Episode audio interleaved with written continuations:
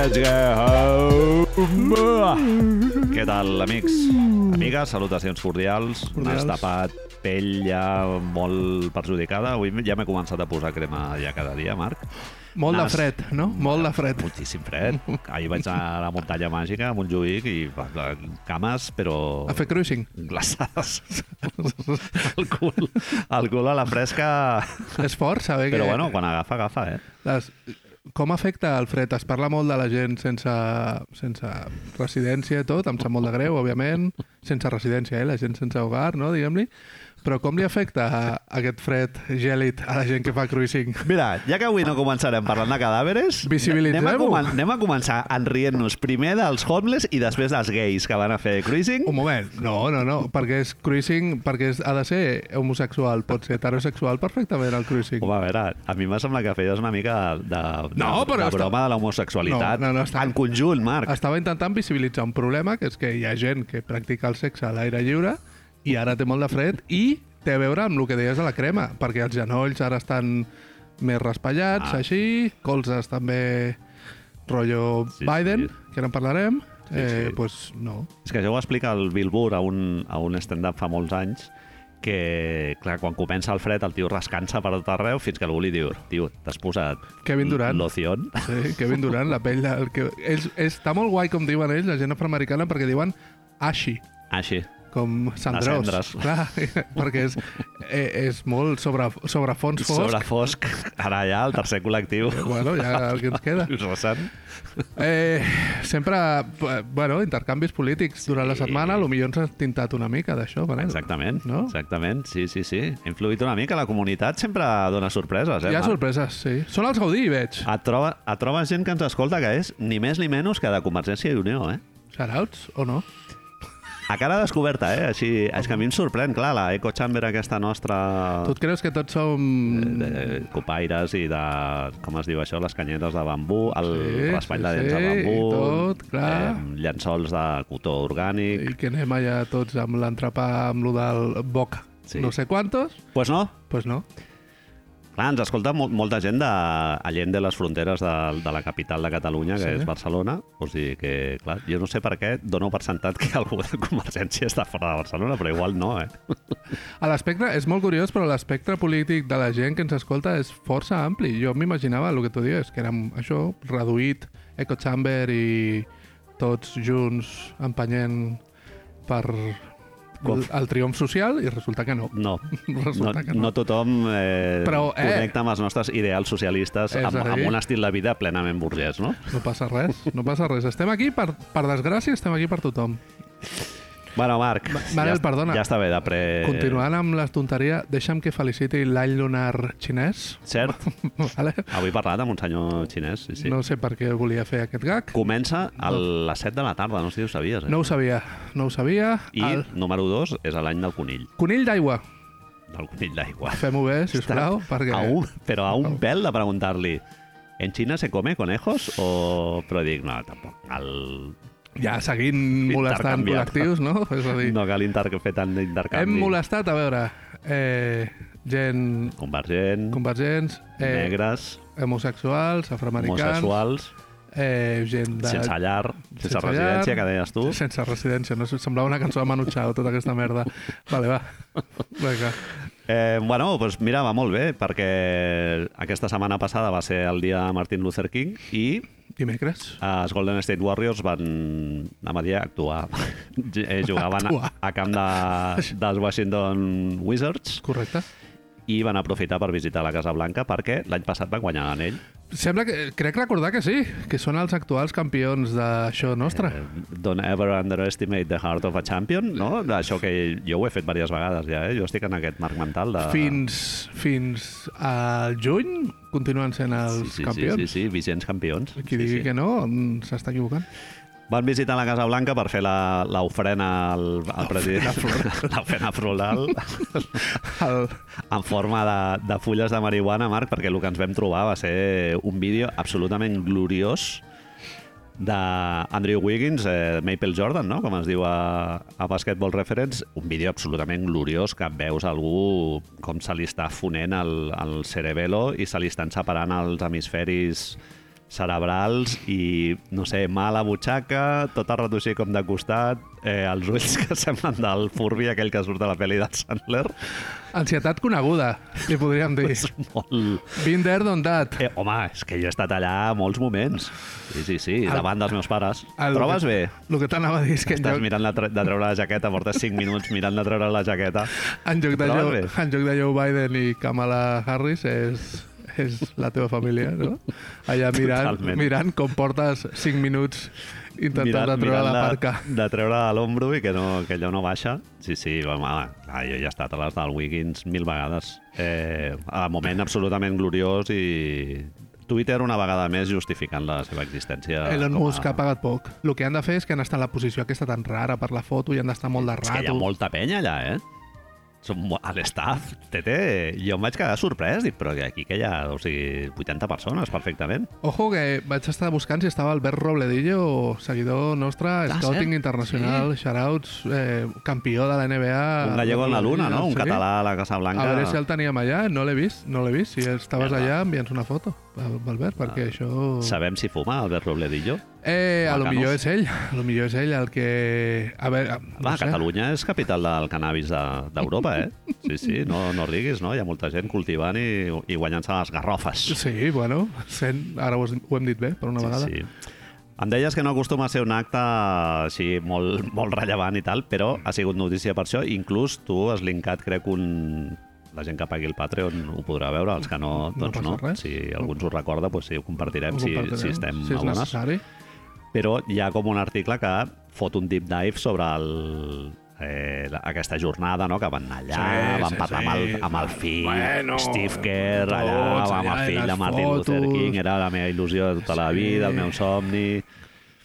Bueno. Soc blanc, però bueno, els negres sí. són, són amics, soc aliade, Alai, claro.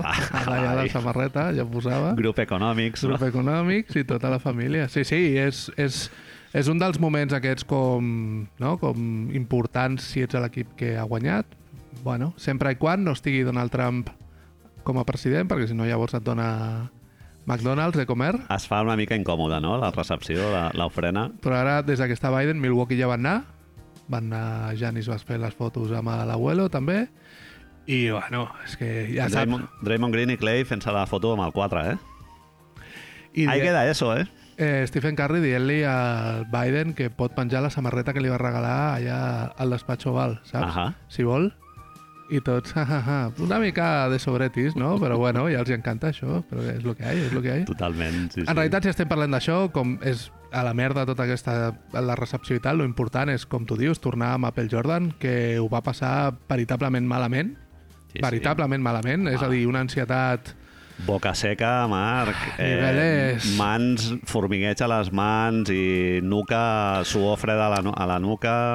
Pensant en Tot un el- milk attender, claríssimament. Sí, sí. Però jo haig de dir, la meva teoria, Sí. que ell no és l'únic que té una ronyonera amb la bandera de Jamaica i una, i una fulla de marihuana brodada i un, un grinder eh, de color taronja amb un Del camello. bong. Comprat al camello fluorescent. El, el cofre de, de marbre amb els elefantets i tal, jo crec que ell no és l'únic. Tenim mínim quatre... Confirmats, eh? Que ja... Un que, és confirmat. A mi hi ha un que no sé si- A CNN. Sí, el podríem confirmar, però si tu em dius que El sí... més confirmat, a part d'Andrew Wiggins, Sí. quin seria?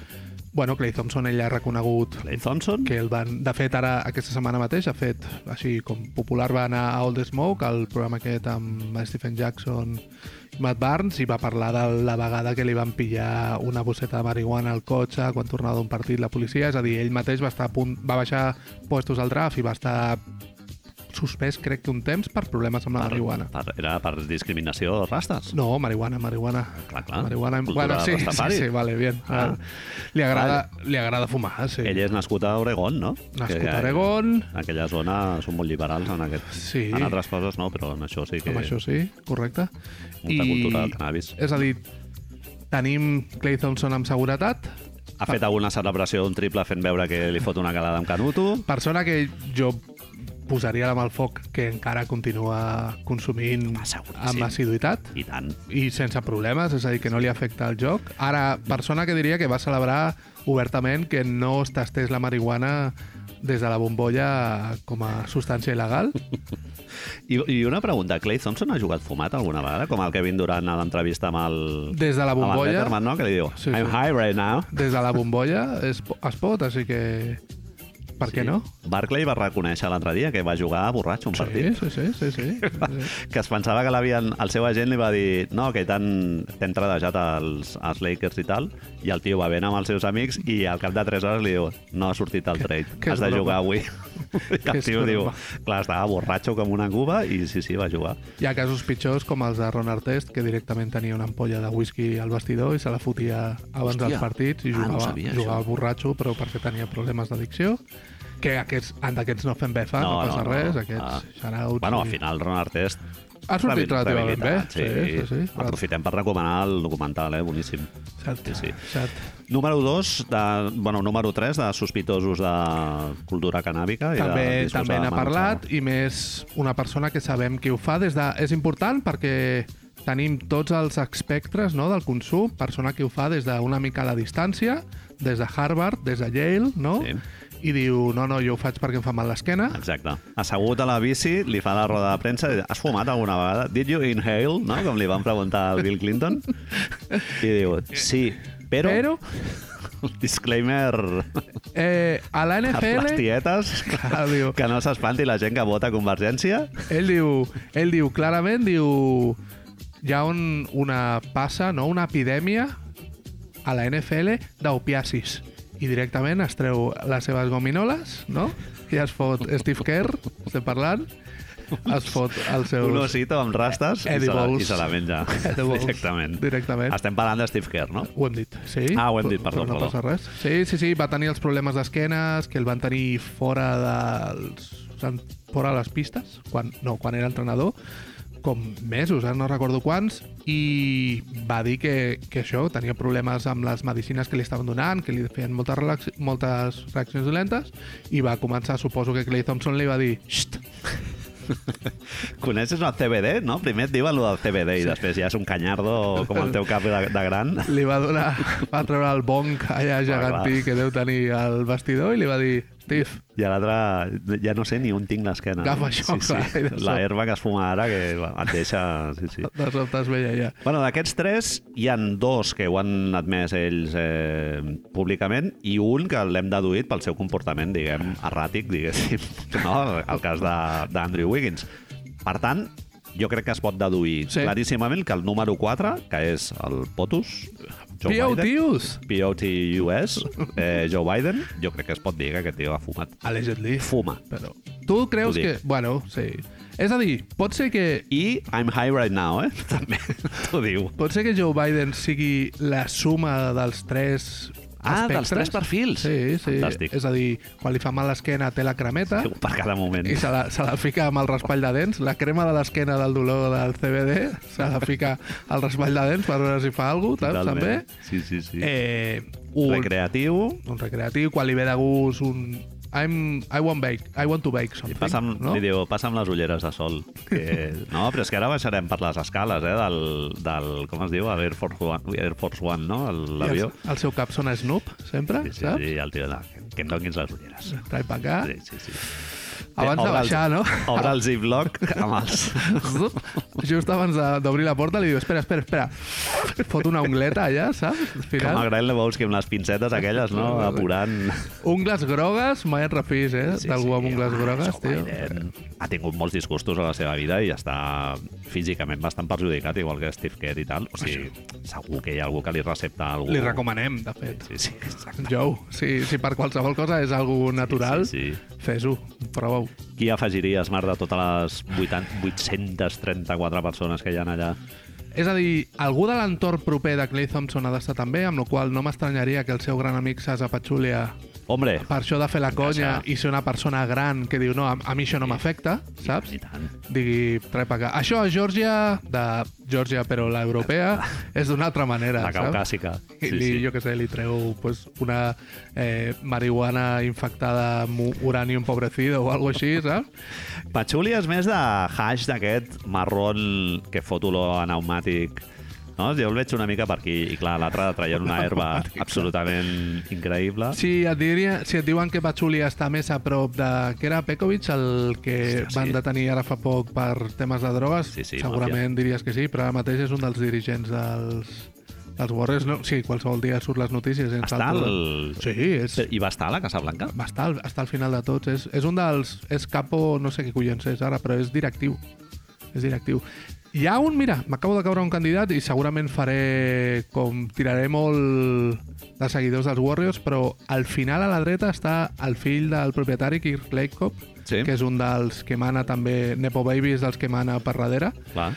el culpable de Smeglicic, per exemple, i, i fot una cara també d'haver estat amb el Wiggins al lavabo Sí, sí, sí. bastant considerable. Bueno, al costat de Wiggins està Bob Myers, que també encaixa molt, no? Penya que- d'aquesta d'Ivy League. De... UCLA, ell és, és un UCLA, ell. Ah, vale. Sí, però bueno, és costa... Sí. sí samarreta... Cosins de Berkeley, Penya que jugava amb samarreta de cotó per sota, saps? segur. I, Sí, sí, sí. i a la meitat que diu, hòstia, no, no m'entra els tiros, i algú li diu... Sí, sí. I, bueno, i Kamala Harris, vaja, jo crec que també segur, algú xova, no? I molt, molt progre i tal. Eh, són, no sé quina és la posició respecte a la marihuana d'aquesta gent, ara que penso, però cada cop són més els estats Estats Units que permeten, no? Califòrnia... A veure, Califòrnia és- legal, ja, així que... Sí. Bueno, ja ho hem dit alguna vegada, als Estats Units ara hi ha el tema de que la indústria del tabac està gravitant cap al negoci de la, de la marihuana, no? I sempre hem dit, si no fan també, si no són substàncies que et puguin millorar, no? És a dir, si no, si no trenquen la competició, exacte, som-hi. no? El, Enhancing, no? Es diu en, en anglès estava intentant traduir. Ah, Suposadament és al revés, no? És a dir, que en teoria t'hauries d'estar disparant al peu, Home, fotent un sí, sí. canut o del que es va fotre Wiggins. Sí, sí. allà. Jo això ho he pensat moltes vegades, que intoxicar-te d'aquesta manera és com posar dificultat afegida a la que ja ve amb la pròpia existència humana és encara posar una motxilla de... No, potser seria una línia de negoci que li podien donar des de RMSD i més de, de Camplicantes se li podia donar a Adam Silver, que és que hi hagués Ui, un partit... A veure, a veure, a veure com continua això. Eh? 420, quan fos Hombre. el, el 20 de ma- d'abril, tots els jugadors haguessin de sortir col·locats. I a veure què Marc. passa. Eh, igual hi ha un país encara més ràpid. O sembla un disc de Sleep tot, Sí, saps? I, I tot és... Sí, sí, sí. Home, jo he jugat amb penya fumada que jugava molt bé a bàsquet, eh? Jo, jo res, zero. Però hi havia gent que fumava molt i... Sí, Obrim sí, els xacres, tio, de de la gent, no? És a dir, donem-li eye i jo què sé, és... Si el que volem, és a dir, en lloc de NFTs, apostes i tota la merda, si tu, el que estaves explicant ara, que ja la indústria tan important com la del tabac està anant-se'n cap aquí i hi ha moltes oportunitats de negoci, Espon- Adam, tio. Sponsorització, totalment. Posa'm allà, parla... Green Day, no? Correcte, correcte, Green, de música. La jornada verda. Hi ha una... Allen Iverson té una, una varietat, no sé de qui, és que té... No me'n recordo. Showkem té la seva tenda, no? També. El Harrington, també. Al Harrington, correcte. Sí. Doncs el Harrington va treure una varietat que és de... a- Allen Iverson és la figura, doncs ja està, tio. Clar. Reconeixem-ho, no passa res, És, tio. és algo inherent amb la cultura de, de la NBA, no? Del rotllo aquest urbà Pues ja afroamericà està, i tal. ja està. Donem-li... Este, estereotipos a saco. Los tipos, sí. Molt bé. Eh, bueno, eh, abocar aquest episodi meravellós d'un jugador que ja no està a la Lliga, que és eh, Dion Waiters, que es va filtrar aquest episodi en el que ell va tenir com una Atac de pànic. Tony LeBlanc absolutament salvatge, atac de pànic de m'estic morint Sí, i sí, tal. sí, li va donar malament. La... Sí, Van haver-hi rius de tinta, Manel. Rius de tinta. A l'internet, a veure sobretot qui era qui li havia donat el Edible, no? A l'osito de gomanola aquest, que li havia procurat l'atac de pànic. A Miami. Sí, Un sí, equip es, en el es que jugava- molt. Sí, sí, digues, digues. Un equip en el que jugaven James Johnson, que va sortir el seu vídeo, el vídeo és aquest està linkat aquí, on directament dius mai ha hagut algú que ha estat tan a gust a la vida Dos més dos gegant. com James sí, Johnson sí. en aquell vídeo. Kelly Olynyk. Kelly O també, eh? Sí, sí. per la vessant més psicodèlica, no?, una mica. De... Sí, Sí, sí, sí, que de sobte li... Jo estic fent mushrooms, però tu, si vols, tens això? Sí, sí, sí, Saps? totalment. Sí, es veu que hi ha una... No sé on ho he llegit avui o ho he escoltat en lloc. Es veu que ara als Estats Units, sobretot a les costes, hi ha una, una tendència cap als bolets. Uh -huh. Però no, no en plan... Com dir-ho? No en plan... No gírgoles a la planxa... No, no. Bolets psicodèlics, però presos com relaxants. És a dir, no en la idea de com fer-se un té. Uh -huh. I se'ls pren la gent per anar una mica més suavecitos per la vida. Però al·lucinogen, diguéssim. Sí, però no prendre'l com una dosi concreta que dius, ah, això em garantitzarà que vegi Alicia en el País de les Meravilles, saps? Sinó que una dosi molt petita, diluïda amb aigua calenta i no sé quantos, tu t'ho vas prenent pel matí i et deixa, no? et deixa una mica... et deixa suau. Et baixa les revolucions, Sí. com, com es diu la Cor gent. Correctament, deu ser això, deu ser això. Sí, sí, hi ha, molt, hi ha moltes drogues d'aquestes i les que més em flipen són aquestes que no estan aprovades, que són per produir encara més, que faciliten la concentració i tal. Això hi ha una indústria... Perquè tot el que no està prohibit per, per llei, tu pots comprar per internet lliurement. Als Estats Units fan molta publicitat del, com es diu aquest, el, el xupito aquest Five Hour, no me'n recordo com es diu, fins i tot els anuncis a la, als partits de NBA surt, també és com un... Les gelatines, aquestes... És un Red Bull concentrat que es ven a, als delis i als supermercats, eh, a la, al, on està la caixa, i tu prens per... És una xute de cafeïna doncs, que et pot matar, segurament. Sí, sí, sí. Crec que no, però jo què sé. No, jo busco algú que resti, no? que, que sumi, no. ja vaig veure molt ràpid en la, en la meva etapa de drogadicció, que no... Estava pensant aquest matí ara que dius això, Manel, i ho tiraré aquí, tot i que segurament és un pitch que m'hauria de guardar, o ens hauríem de guardar per la nostra carrera, però crec que estaria força bé una sèrie, vale? o una pel·li o alguna així, on és, és duro, eh? El context és eh, camps de concentració de jueus, per exemple, no? Com es diu? Manhattan? Mai no em surt ara. Sí, sí, sí. Però l'altre dia vaig veure The Last of Us i em va fer pensar en això. Són gent que, que tot i que saben que se'ls carregaran i tota la pesca, no? els hi fan fer treballs forçats. Sí, Doncs gent que als treballs forçats s'intenta escaquejar. sí. Però en el context d'un francotirador allà que et mira Uh -huh. i si t'escaqueges et, et fot una bala a la nuca. Una, una, un incís previ. Veníem de Sí. el, el món fantàstic Sí. de fotre infusions de Tots bolets al·lucinògens anat, i tal. hem anat cap a una altra banda. Hem anat, hem anat cap a una altra banda. Se m'ha corregut aquest matí Sense solució de I, continuïtat. I fixa't que igualment he dit, m'ho hauria d'haver guardat i ho, ho he tirat aquí al poble. Bueno, pensem-hi. Pensem-hi, pensem-hi. Com s'escacaria? Com, com et pots escaquejar a, allà, no? És a dir, no, és que s'han de recollir aquests cadàvers i fer-los cendre. Uf, Dios. vaig al lavabo. Però no, no, no per... avui, avui pillo el dia d'assumptes propis, no? Li això no ho pots fer, però...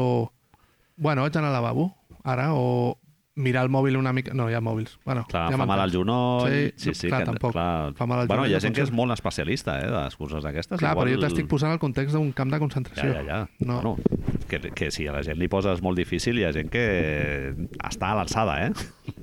gent, gent de la funció pública, Marc, que et dic jo que. Bien, ha salido, ha se n'en salido. sortiria, eh? Ha salido. Bueno, hi ha els Golden State Warriors, un dels jugadors d'aquests que va fer lo de les quatre barres així, no? I Hem amb, d'anar... amb Això, les ulleres de clar, sol avui i no hi ha senyal de hem d'anar a la NBA, no? Bueno, la podem tirar aquí, si vols. Va, Comença la la part més o menys de la NBA. Més o menys.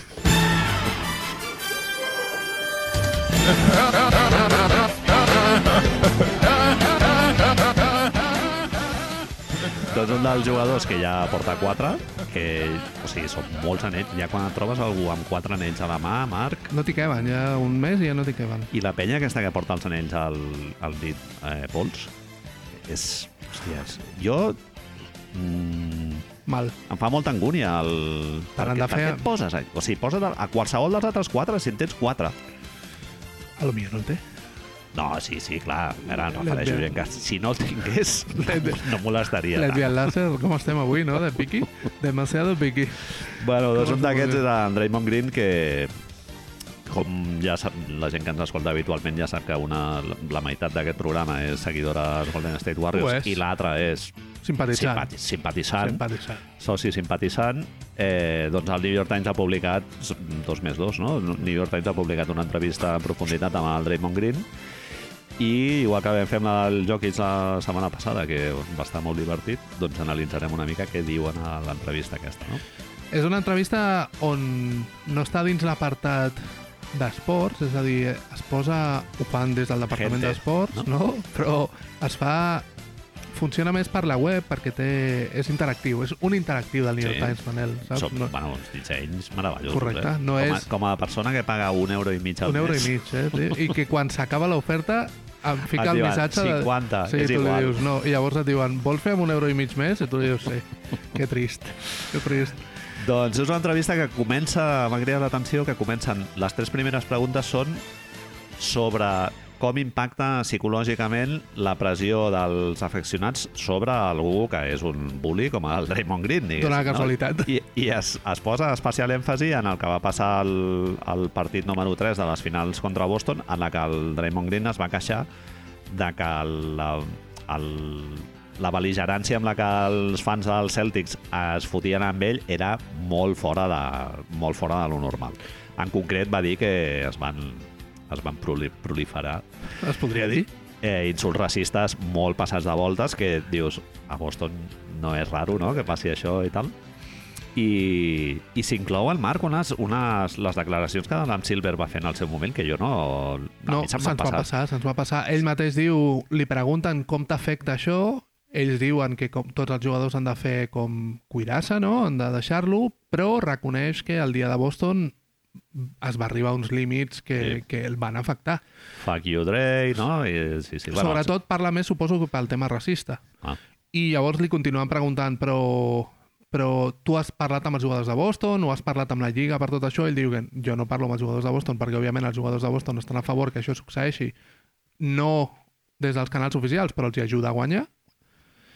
Els hi, pre li pregunta a l'entrevistador si ell esperava que els jugadors de Boston Li diguessin alguna contactessin i tal, i ell va dir que no. Òbviament que no, perquè Està- ell reconeix que si això succeís a, a Golden State, no és que... No sé si, no recordo si diu que estaria content, però clar, entenc que és un avantatge de cara a guanyar. On estem així, on fem una mica d'alto en el camino, no és en aquest punt que tu comentaves, que, que li pregunten sobre Flipant, les declaracions d'Adam Silver al respecte, o si la Lliga... Com és que, per què creu que la Lliga no va condemnar aquestes declaracions? I òbviament li diu que les seves raons tindran, i l'entrevistador, entrevistador crec que és, recull unes declaracions d'Adam Silver que les tenim aquí. Diu, I want fans to enjoy themselves. Vull que els fans es diverteixin, no? Diu, Gaudeixin, sí. diu vull dir, per suposat, a la, a la Lliga, a l'oficina de la Lliga, no, no li agrada veure que es falta el, El el, respecte. el respecte. Diu, però ho entenc. Diu, m'agrada, diu, m'encanta l'energia amb la que els fans de Boston eh, acudeixen als partits. Bueno, una cosa és l'energia i l'altra cosa és... Eh, Cagar-te la mare d'algú, Clar, correcte, sí, sí. dir- Dir-li a algú nigger, no? Que, Que és el que es va dir, que és el que... Bé, eh, va bé, denunciar. bé, bueno.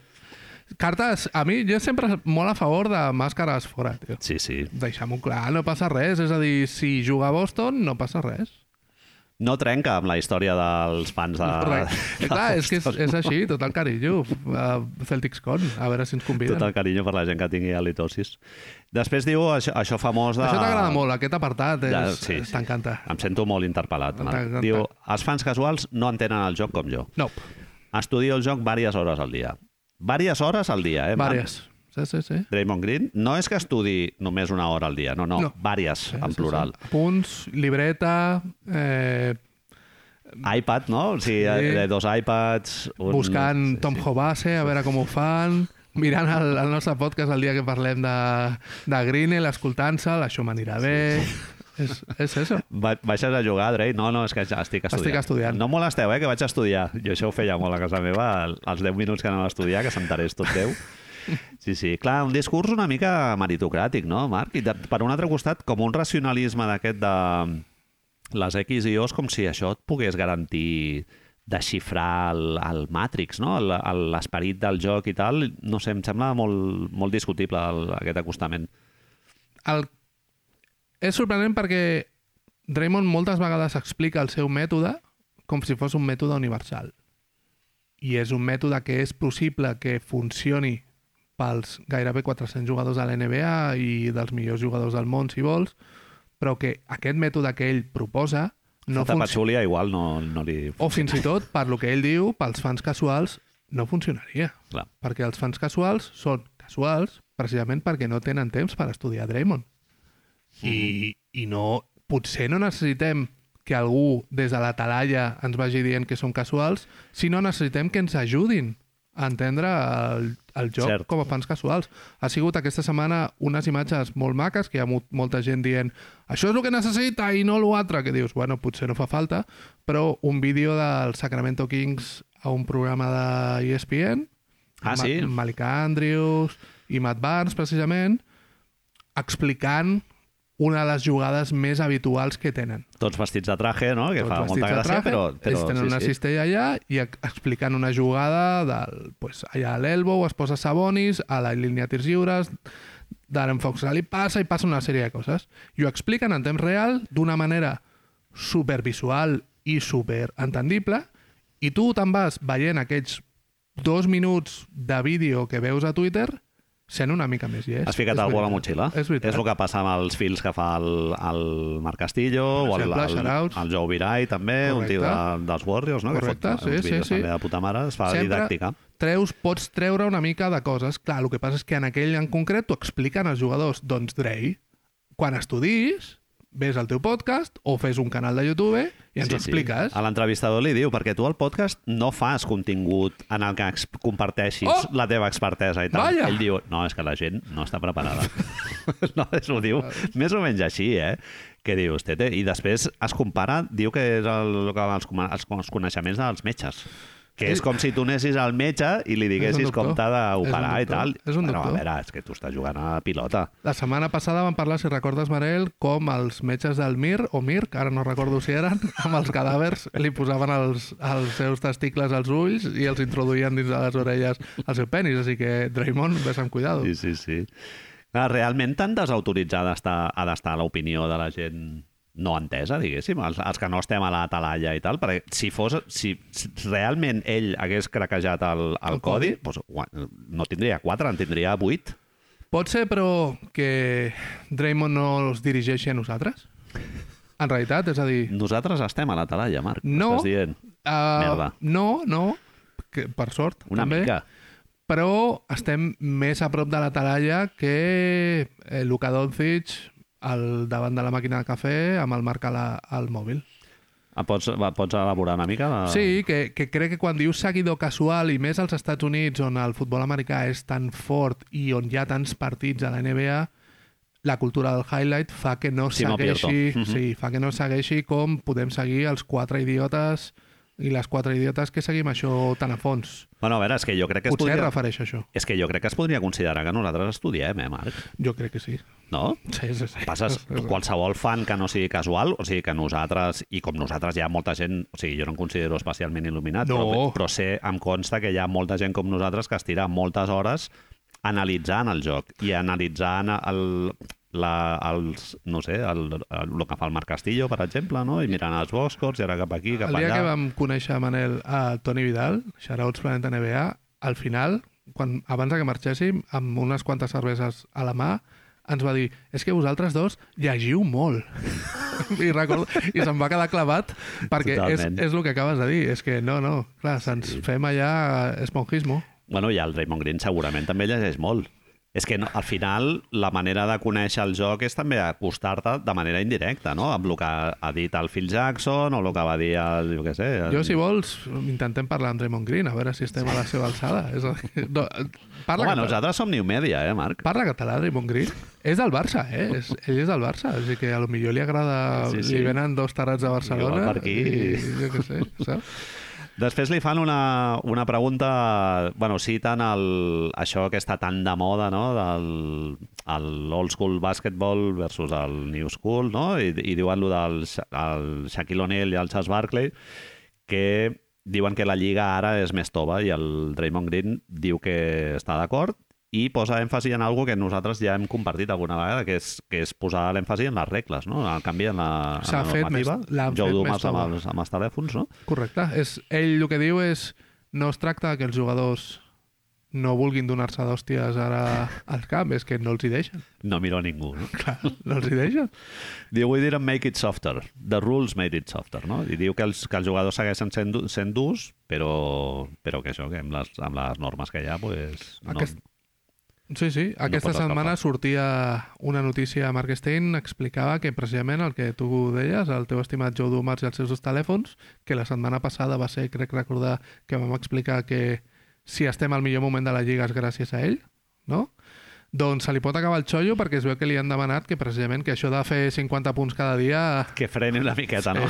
que a lo millor hem de tenir començant a notar. a lo millor hem de tenir una mica menys de, Sí, de sí. telèfons pel mig i que ell deia que no li estranyaria que, que la setmana la setmana que la temporada vinent torni una mica de pues, menys freedom of movement i hi hagi una mica més de colzes Sí, sí. i mans parant a la gent. Bueno, jo crec que això de manera orgànica, a mesura que ens apropem al playoff, ja Ve passant. anirem, ho anirem Ve passant, veient. ve Eh? passant, Però ve igualment hi ha altres acusacions de, de softness que no venen per, per els canvis pro, eh, promoguts pels canvis de regla, que, que són el, tot això que té a veure amb el load management, no? que se n'ha parlat molt en les últimes Sí, setmanes. Abans també. veia un vídeo del, de Kevin McHale, clar. Pot. I el tio rajava mogollon, no? que deia, joder, però com et pots cansar de jugar a bàsquet? M'ha fet molta gràcia.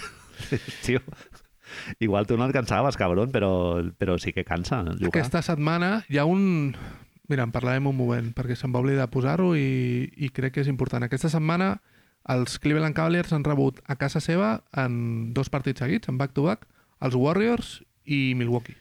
Vale? Sí? Els Warriors venien ells a fer un partit seguit contra Boston, sí? Boston-Cleveland, i els Warriors, com, com el dia de Boston van tenir partit a televisió nacional, tard, eh, pròrroga i tota la merda, Steve Kerr va deixar l'entrenador dels Warriors, va fer que no juguessin ni Draymond Green, ni Clay Thompson, ni Stephen Curry. Vale? Sí, sí. No, em sembla que Wiggins sí que juga. Crec. crec. No, Wiggins no juga No, també. no, no. Correcte, tens.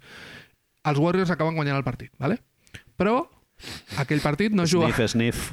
Aquell partit no juga a Cleveland tampoc Donovan Mitchell. Sí. És a dir, resulta que aquests partits, quan venen algun dels equips importants que només venen un cop a l'any a, a, doncs, al teu camp, normalment no es poden comprar per separat. Si els has de comprar amb uns packs, Clar. que normalment són amb els partits que menys gent anirà, tipus, sap molt de greu dir-ho així, Orlandos, eh, Detroit, etc. És a dir, per tu veure els Warriors, per veure Stephen Curry, has de veure... T'has de xupar el Or- Franz eh, Wagner. Has de, bueno, o, o sí, o els Hornets o així, ¿vale? Aquests partits, a més, són dels més cars i tu els compres, els has de comprar ràpid perquè s'acaben. Clar. Però ningú et garantitza... No, no, no, no, no, anava a dir, dues setmanes abans ningú et diu. No juga, però el vols comprar, però és que no jugarà, eh? Ni Stephen Curry, ni... I no estem parlant de lesions. Michael Jordan. Estem parlant No, de que el dia abans van jugar i decideixo que com aquest partit el perdrem, no juguin. Sí, sí. És que el dia següent, Manel, Janis no va jugar tampoc. Amb Milwaukee, Donovan Mitchell tampoc va jugar. Clar. I Janis no va jugar per gestió, eh? Però és que això, Marc, aquesta experiència, nosaltres la tenim cada dia quan obres el League Pass. Sí, sí, sí, però, A- però a clar, em no has, pagat, total. no has pagat 300 pau. No, però estàs pagant un producte, eh? També, bueno, en el meu cas no, però, però estàs pagant un producte i és un, i és un producte fraudulent, Tu imagina't, tu imagina't això, tio, que és que hi havia gent el dia de... El dia, jo vaig posar un moment la retransmissió de Cleveland i sortien unes imatges de... Eh, van a... Gent, gent amb la bossa de cartró al cap, no? No, però, tio, clar, gent dient això, dient, hòstia, és que hem pagat 200 pavos per aquestes entrades Clar. i està jugant amb tot el carinyo Anthony Lam i, a veure, vam veure un partidaco de Ty Jerome d'aquests increïbles. Milk desatado, Clar, sí, sí, tio. sí. Unchained milk. Però potser no és el que volem. Sí, sí. Clar, és molt fàcil caure en el rotllo aquest del... Eh, jo et pago diners, pa, eh, cobren molts diners, no?, com perquè descansin i tal. Jo entenc que hi hagi un mínim load management perquè l'exigència del joc eh, ha pujat, Marc.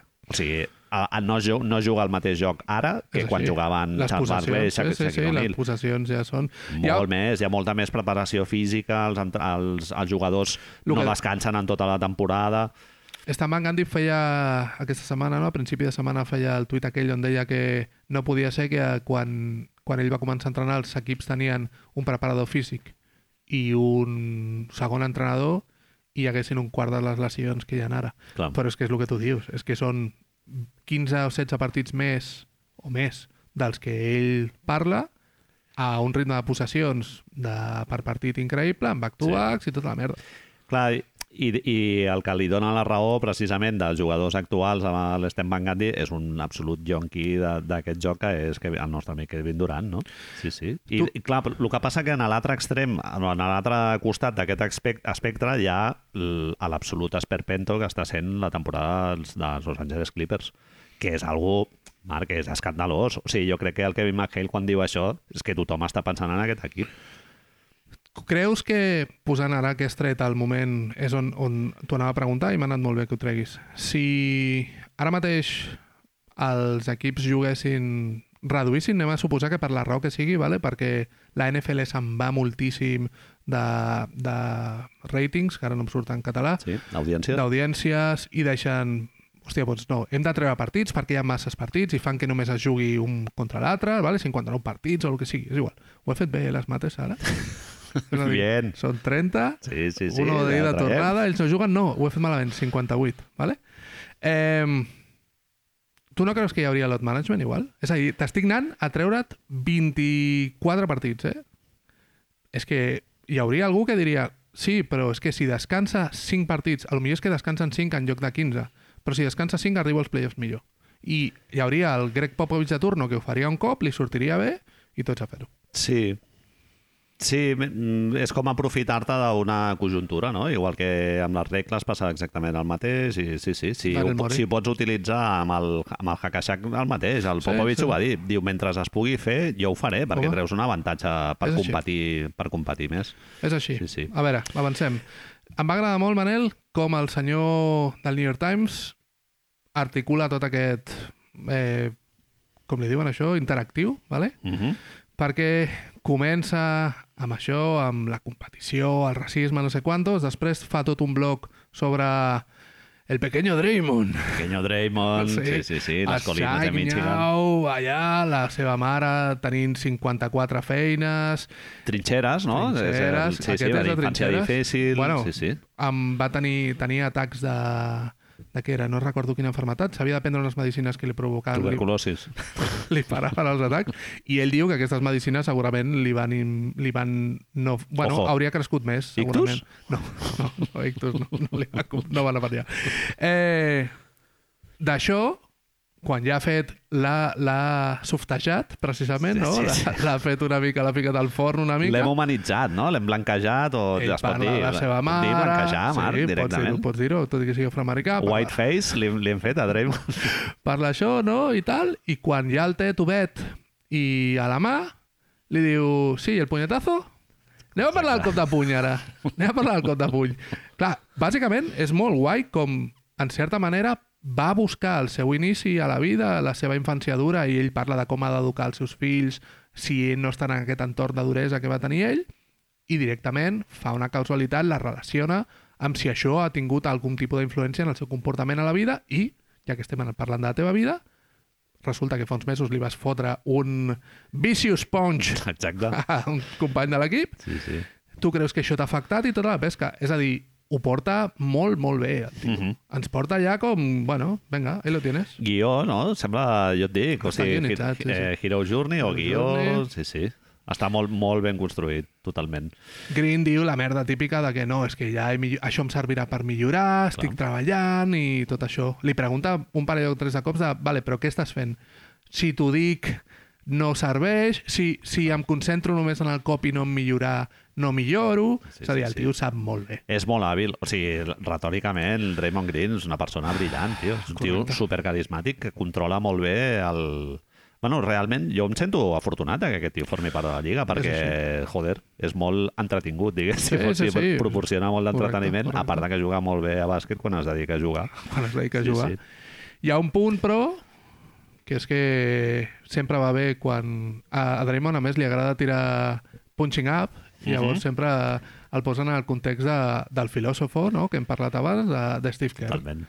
Li diu, clar, però què passa si els Warriors, en teoria, no? És, és a dir, tenir un estil de joc, Sí, hi ha com un mandat de l'Steve Kerr, no? quatre punts. que es refereix a quatre com valors, no? Dos posat al guió, m'encanta. O sigui, és valors, que té, que té molt a veure amb el rotllo aquest de gurú, de xacres i És tal, del, del Guardiola, no? És així, Que diu que són l'alegria, sí. L'autoconsciència, la compassió i la competició. compassió, eh? Compassió, tio. És a dir, això tu arriba Steve Kerr allà, després de que gent ha estat amb Mark Jackson, fot a la pissarra el seu nom, per si algú no ho sap, i escriu aquestes quatre coses. Els quatre. En- Li fa un cercle. I tira el, gui- el guix a terra. I se'n va. Us espero a la pista. Us deixo aquí i d'aquí 10 minuts parlem. Es treu un, una L, saps? Se l'encén allà, una cebolleta, Arriba amb la ronyonera, se la treu, no? la porta en diagonal, la deixa allà i escriu Escriu compassió. aquestes quatre La, pri- posa la compassió a la primera. sí, alegria, autoconsciència i compassió. I llavors, és que te l'he posat aquí directament. El periodista li pregunta, és aquesta idea d'una cultura guanyadora calcom alegre i ple de, vines bobre, ple de bones vibracions una mentida? Toma, una fatxada, no? Sí, sí, sí. Draymond, mask No, és- és- Clar, clar. És que amb Steve Kerr moltes vegades et dona aquesta impressió, no? Que, i, I com ho van gestionar, com van gestionar l'episodi després, et, et va donar la impressió, això, que estaven més emprenyats amb el que va filtrar el vídeo que no amb el que havia passat. Era això. Era això. Sí, I aquí veus com que es cau un tel, no? I dius, bueno, pues això és... Les Mr. Wonder. bambalines. Exacte. El biombo i el que veus a darrere dius, hòstia, aquí, sí, sí, molta retòrica, però compassió poca, eh? Compassió poca i Draymond diu que guanyar és molt dur. Que guanyar és quelcom dificilíssim, gairebé impossible. Això em sona molt, Marc, a, un, a una sèrie documental que nosaltres la vam, la, la vam analitzar aquí amb deteniment perquè no teníem res més que fer. No hi ha res més al món. Ens referim a The Last Dance d'un grandíssim psicòpata, el GOAT, Michael Jordan, no? que el tio tam- també justificava tot el que va passar, ho justificava perquè al final de, tot, de tota, totes aquestes animalades doncs, hi havia sis anells. Si, és, si guanyar és tan dur, és impossible que et faci estar sempre bé. Uh -huh. Draymond diu això. És impossible que ho estiguis fent bé i que tu et sentis bé, et sentis bé realitzat com a persona si estàs guanyant tant. Per si, si està... Són incompatibles, directament, diu. Que dius, bueno, doncs potser no... em- baixo, piques al, Totalment. al Sí, sí. 39, li dius propera parada Sí, sí. i aquí em baixo. Jo què sé. Al final és fàcil projectar una certa inseguretat personal en aquest desig de, de excel·lir en la competició sempre, Traiem. perquè no és dos, tres anys, sinó és sempre has d'estar eh, a full, no? traiem-nos, és el que tu dius, traiem-nos una mica les bambalines de veritat i parlem de que aquest model et dona una seguretat que per tu sol no tindries, segurament. Uh -huh.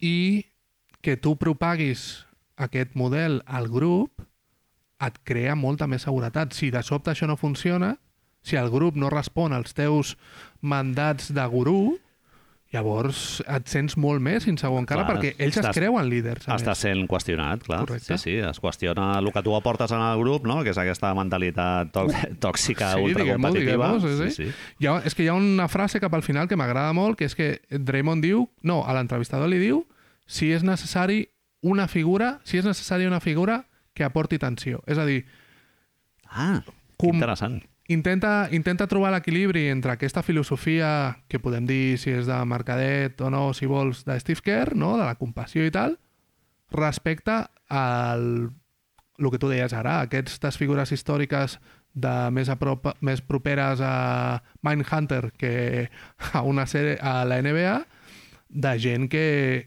que és My Way or the Highway, que diuen ells, no? i s'ha de fer d'aquesta manera i no fa feliç a tothom. Uh -huh. I parla de la, la paraula que em va encantar. fosc, no? Sí, Una sí, mica. Sí, Diu tensió. Sense tensió, Sí, sí, i sí. Draymond Green li diu que sí, que sense tensió no es pot guanyar. Sense...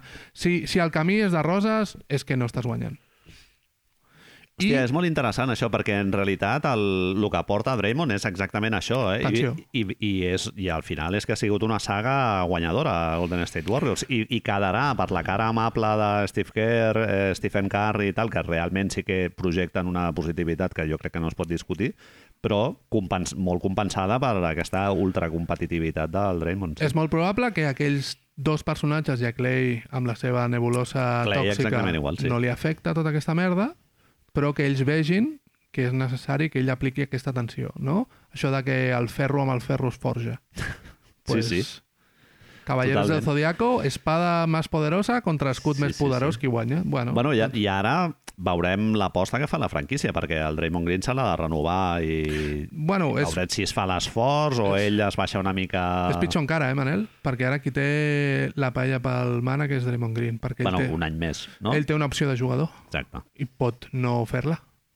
I ara mateix està jugant un dels millors bàsquets de la seva carrera. Sí, I si Stephen Curry Se'l diu que el necessito, a veure què fan. se'l veu molt fresc. Sí, deixa'm, abans de que canviem, deixa'm que... Ho he estat pensant aquesta setmana i no sé, mira, et diré, Manel, que no sé ben bé per què no està sortint més. Eh, es parla de que si Draymond Green marxa dels Warriors, sí. Uh -huh. marxaria lliure i sense que els Warriors traguessin res, Sí. vale? no sé que això és un sing and trade o alguna cosa així. Els candidats que surten sempre són Detroit perquè ell és de Michigan, que dius, bueno, no sé què collons ha de fer Draymond Green a, a Detroit, amb tot el carinyo, Sí, sí. o els Lakers per la seva connexió Ah, amb Clutch Lakers. i perquè li agrada tenir una mica... Lakers i Knicks, Marc, és que és el primer que et surt. Eh? Sempre. A ell li agrada tenir una mica el que és... Li agrada que, que l'Ebron James li fiqui la mà darrere i ell mogui la boca quan l'Ebron parla. Això li agrada molt, també.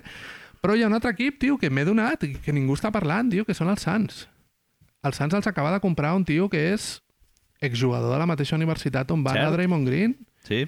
i ja sabem com funcionen aquestes coses. Eh, bueno, hi ha nepotisme universitari, ells queden a les quedades aquestes que fan a les, a les gàrgoles, no?, allà, als, per, per Amb apallissar...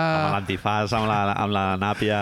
No? Per, els, per apallissar gent pobra, doncs ells parlen d'aquestes coses i no m'estranyaria que li digués Sí. tu, què fem? I té molt de sentit, eh? Draymond Green amb Devin Booker, Michael Bridges, fora Ayton i arriba Draymond Green. A mi només hi ha un equip que m'encaixaria més, eh, que és Miami, tio.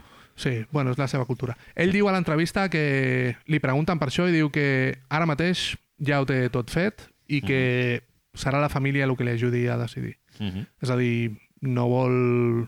Tra... Bàsicament amb això et diu "B- si me'n vaig d'aquí és per anar a tots els jocs que hem dit, però oblida't de Charlotte, oblida't de Ah. Detroit. Detroit, vamos, ni, no el trepitja ni amb un palo, Detroit, tio. Que estan allà a fer un mentorship així. Però ja no només grup. per això, sinó perquè la dona li diu... Però què dius? A Detroit ens hem Què d'anar... dius? No, però si vaig amb, vaig amb bermudes i crocs el 80% de l'any aquí. No, no, sí, no. Sí, sí. Molt bé, i venim del costat eh, anava a dir superfosc, però no, direm relativament fosc i tal, del, Dream, de lo que projecta el Draymond Green en quant a cultura L'atenció. de l'equip i passarem a parlar de, de dos equips que precisament els volem destacar per la bona química interna que tenen, no? O sigui, el, el grup d'amics que sembla que s'ha format, Marc. És, No sé si es pot dir així directament, els companys de feina, però que són col·legues. A mi em va sobtar arrel d'un article que van posar a la newsletter de Camplay Canter on s'explicava com Shea Gillius Alexander, el futur all-star dels Oklahoma City Thunder... Shaibonta, Shai Bonta, Aisian Aisian. Gilgius Alexander. Correcte. Nascut a Ontario, crec, Canadà. I després se'n va a viure a Toronto quan té 11 anys. La seva mare és antiga velocista. velocista, de, cert. anti, antigua i barbuda. Antigua i barbuda. Sí, és atleta i tal. Correcte, es nota amb els genes, es podria dir, no?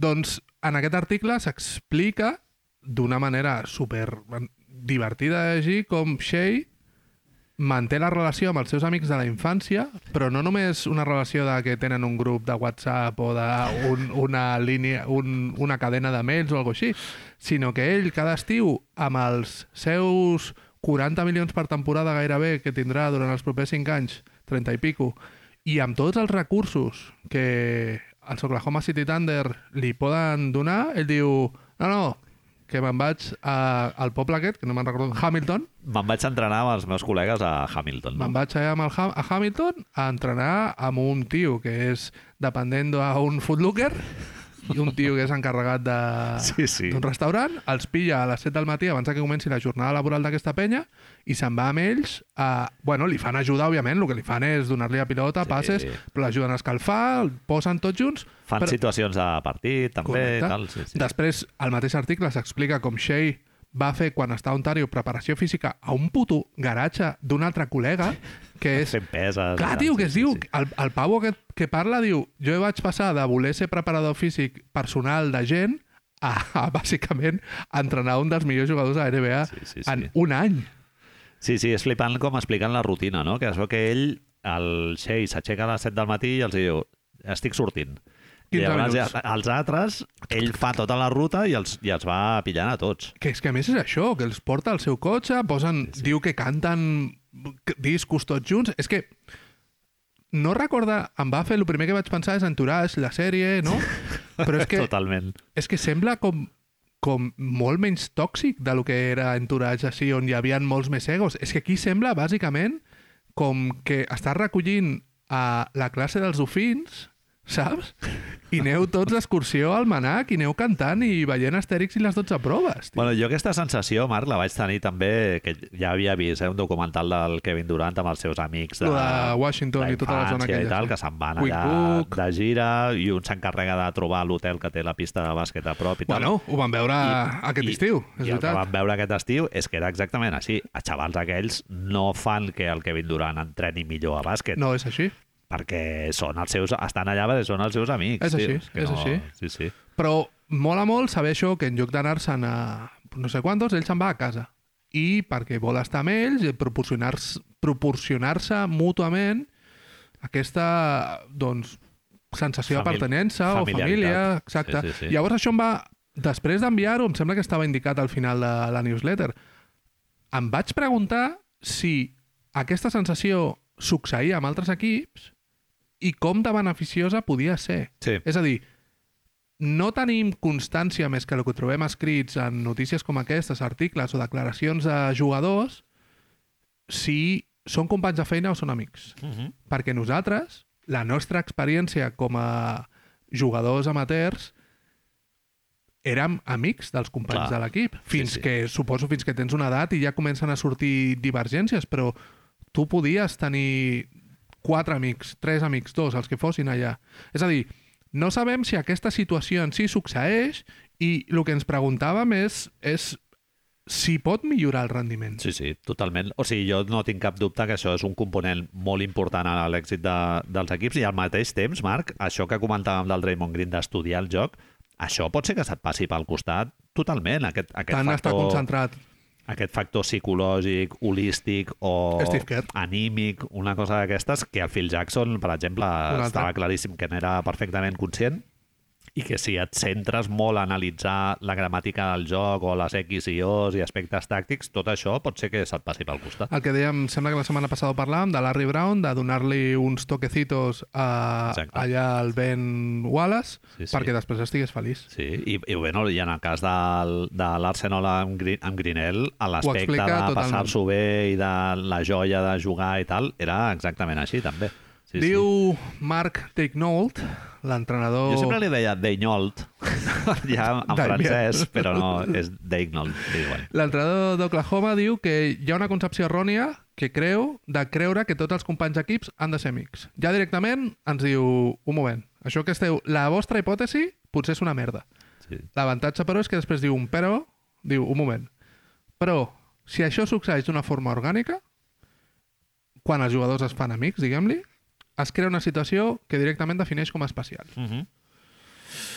Bueno, sí, sí. vale, és a dir... Això el Texas is the Reason ho deien també, no? Que no calia ser amics per tenir un grup fantàstic, van durar un disco i mig. És el que passa, els companys de feina, és el que es diu sempre.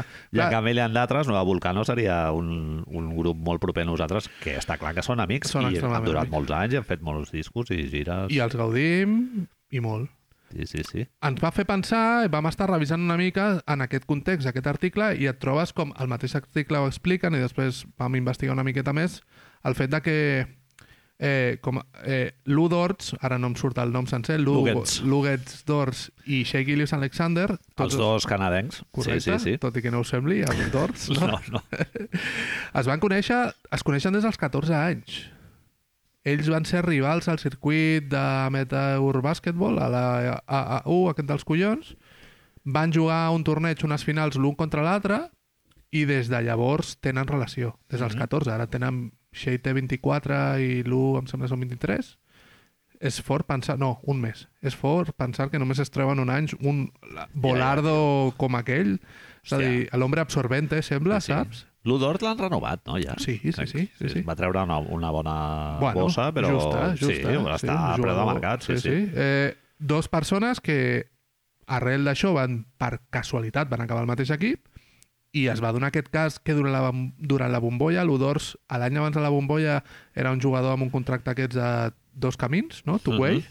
I llavors, D'entrada i sortida. per, per estalviar, directament va estar vivint amb... Diu que el primer sou el va destinar a pagar comprar-li una casa a la seva mare i per estalviar va estar vivint amb Shea Gillis Alexander a la mateixa casa. Eren companys de, de casa i que Flipant. jugaven a videojocs, Sí, sí. anaven al cine, anaven a sopar i, i vivien junts. Bueno, al seu moment, els Knicks van tenir dos jugadors que també tenien aquesta relació d'amistat. El, el Jeremy Lin dormia al sofà de casa del- Landry Fields. Correcte, és Sí, sí, cert. sí. És a dir, aquestes, aquestes coses, en el cas de Jeremy Lin, va funcionar perfectament. I estem sí. veient que en el cas de Shea i l'Udors estan funcionant Sí, perfectament. sí, sí. En els dos, en els dos exemples. dos sentits, sí, sí. fixa't com ha acabat la cosa. L'Udor s'ha comprat una casa al costat de la casa de Shea.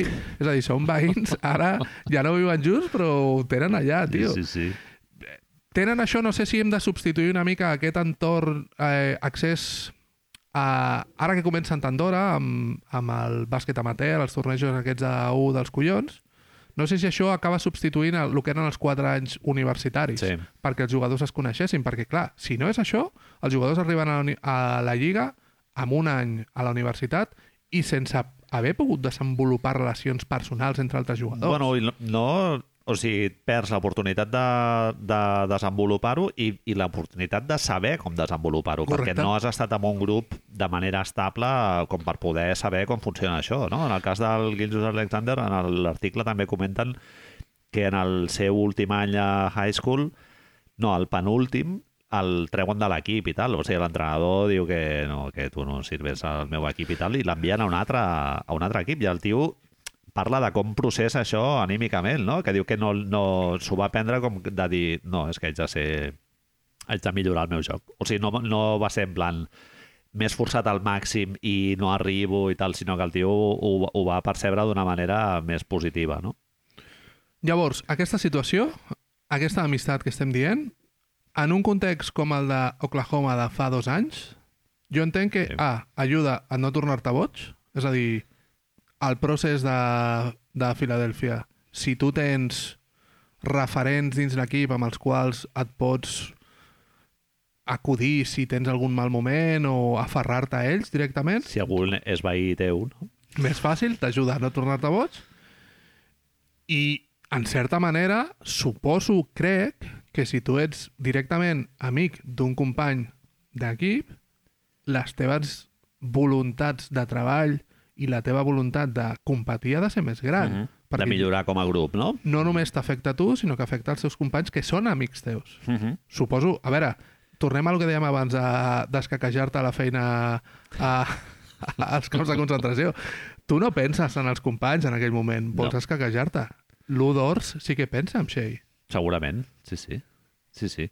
Totalment, i, i ser conscient del teu rol i del rol dels, dels altres, El no? que deia Hobase, el que deia Arsenal, de que definir rols ajuda a que cadascú tingui la seva posició, el que ha d'aportar i que ajudi a portar els altres, també. Mhm. sí. Genera com un cercle virtuós, no? La, això, això ajuda molt també que la, la majoria de gent en el cas d'Oklahoma és que és escandalós. Eh, En Denver també passa. Eh, la majoria de jugadors del roster són draft d'Oklahoma. En el cas de Sam Presti, no? El general manager que més, ho hem dit ja alguna vegada, que més anys porten al seu càrrec.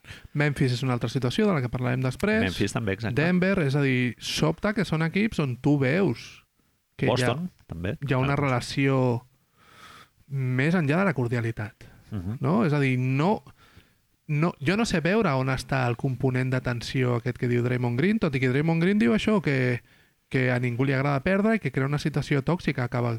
Però és que ara Oklahoma, a base de perdre dos anys i a base de únicament continuar estimant el grup, deixant-los desenvolupar-se i amb l'arribada de les noves peces, els dos Williams o el que tu vulguis, doncs estan guanyant partits. Sí, sí. En el, en el mes de desembre i de gener eh, n'estan guanyant molts.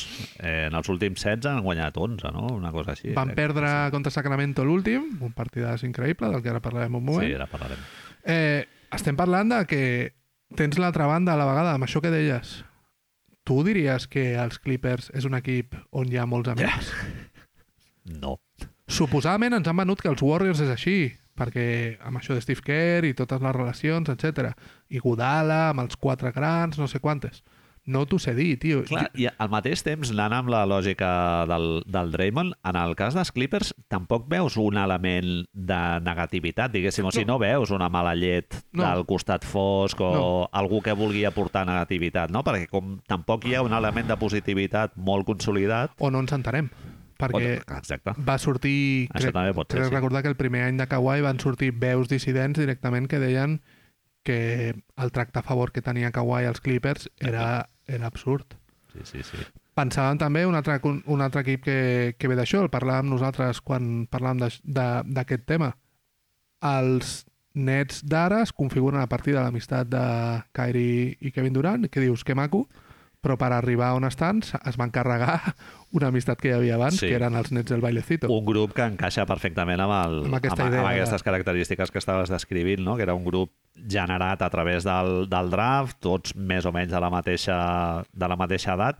Tampoc una urgència per haver de competir a un curt plaç molt gran, no? que això segurament et deixa respirar i créixer com a grup. És així. Eh, és molt més fàcil en aquests contextos, no? Estem dient? I, I es va passar just a l'altre extrem, que era que et vinguessin dos superestrelles i els, el que tu tenies en el teu equip eren com assets que es van utilitzar per, per fer una estratègia de mercat. No? De sobte portes l'atenció i aquesta atenció el que ha donat és una segona ronda de playoffs de moment que amb un dit mm, gruixut de Kevin Durant potser pogués haver sigut unes finals de conferència, si vols. Mm. Però, bueno, Sí, sí. no, no, unes finals de conferència van ser contra els Nets, ara no recordo Era, Milwaukee. era la segona ronda, això. Segona ronda? O sigui, era per passar a segona ronda. Això va ser primera ronda. Sí, doncs sí. bueno, aquí ho tenim. Jo he inclòs també els Lakers, Marc, com a exemple bueno, també clarament, de- clarament. Lebron, d'equip d'aquest construït en plan... Lebron vol tensió. Sí, sí. Lebron ara vol tensió.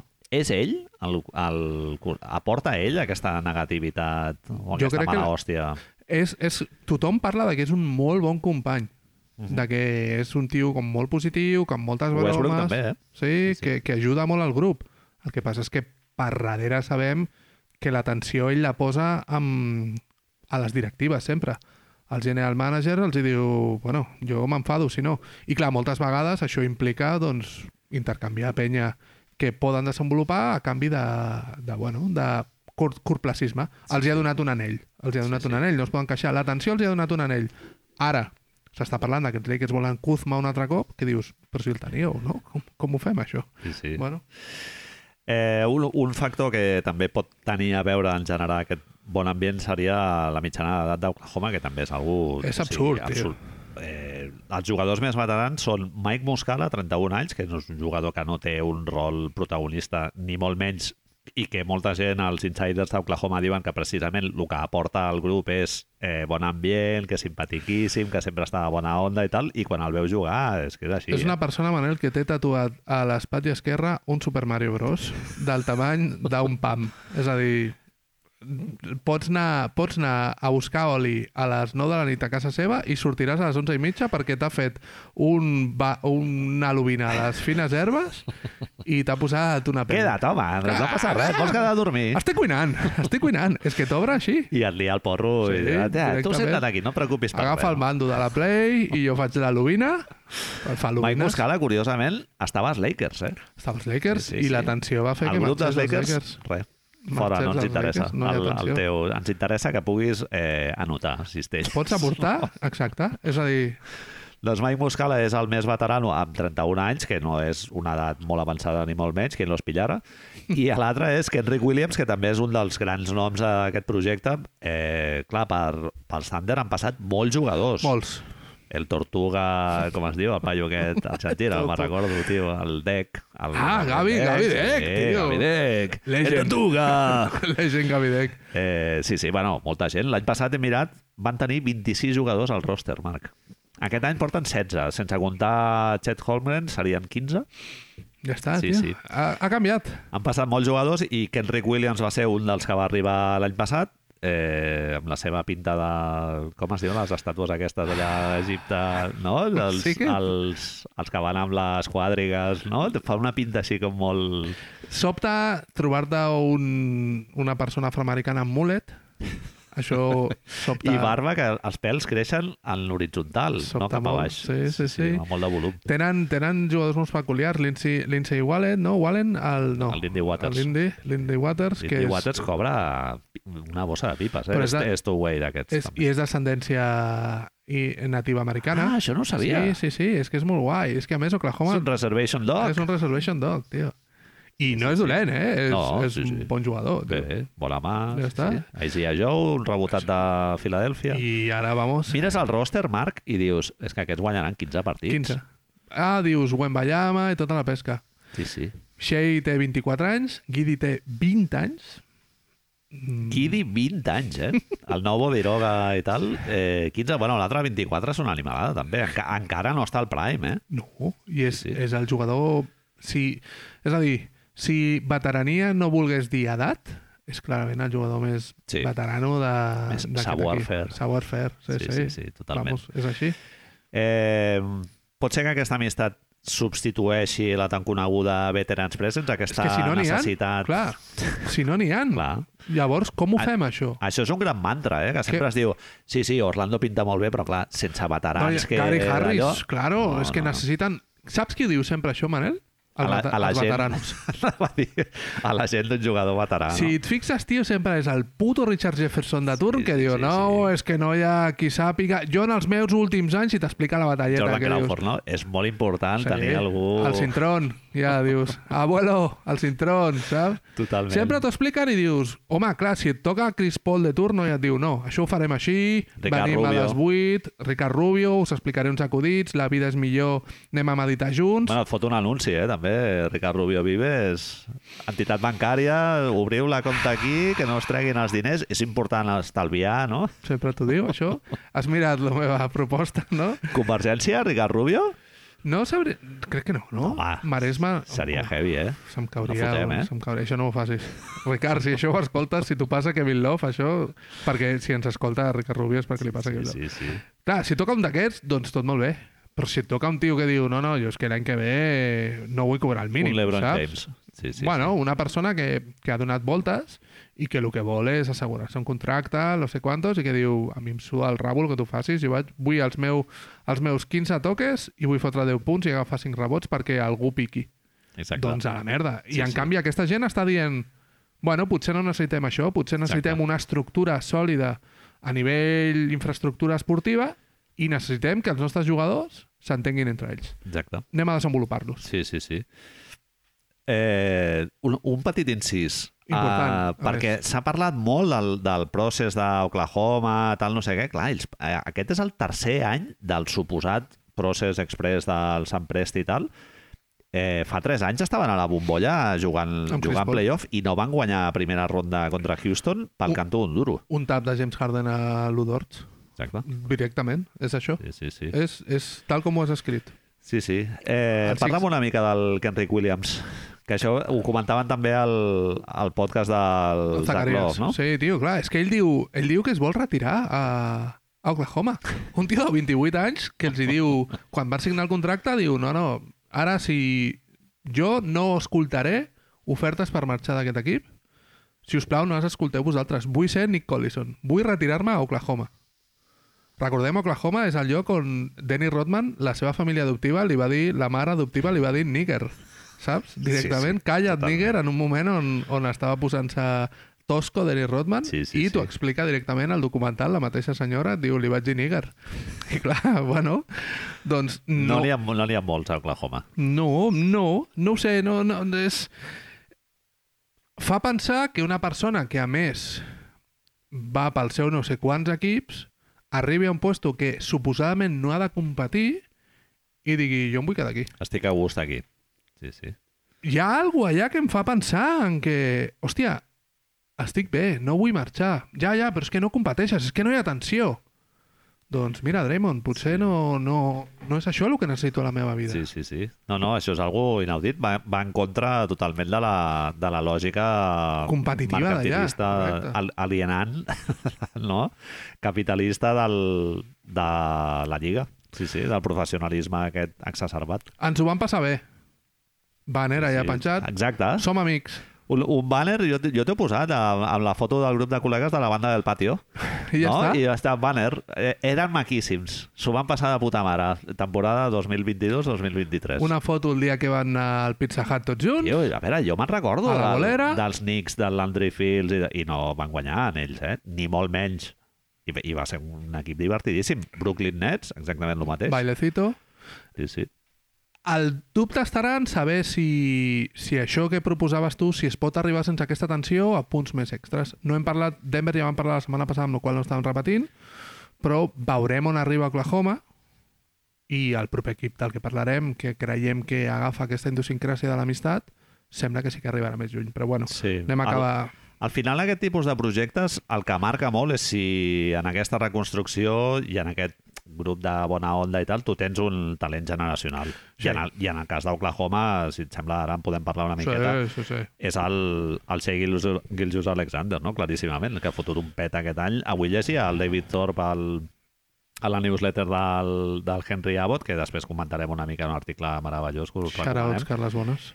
que ell proposava el Shea Gilgeous Alexander com a most improved player, eh? o sigui, jugador més dient, millorat. sí, se l'està dient. Perquè passa de 24 punts a 31. I, I a part, no és només 31 punts, sinó el rol que ell té en l'equip i la manera de dominar el joc és que sembla molt, bueno, molt difícil de parar. Se'ls deia, Manel, que guanyarien 25 equip, 25 partits, eh? partits a principis de temporada. Las Vegas. Bueno, Las Vegas, què collons? I els púndits... Tots.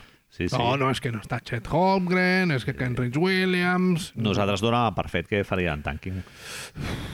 Sí, sí. Jo crec recordar, crec recordar que et vaig dir que amb el Chet Holmgren vaig dir ves que no competeixin. I mira que es va lesionar el, fent el papallon amb el LeBron Sí. James. De fet, és trepitjant el LeBron James. Bueno, l'any passat Shea va fer unes declaracions en les que ja deia que eh, tres, Ja toca. a, tres anys perdent que no ho veia... També diu que té molta... Que ell deia, li pregunten a principi de temporada si això, no? I, i ell diu després que ell té paciència, que creu en el grup, tio. Que és una cosa que et sembla superboja. Vivim a una lliga, Manel, de a veure quina és la propera estrella descontenta que Sí. apareix i no, guarda't els assets, guarda't aquestes dues rondes, l'Ebron, perquè Bradley Bill s'enfadarà.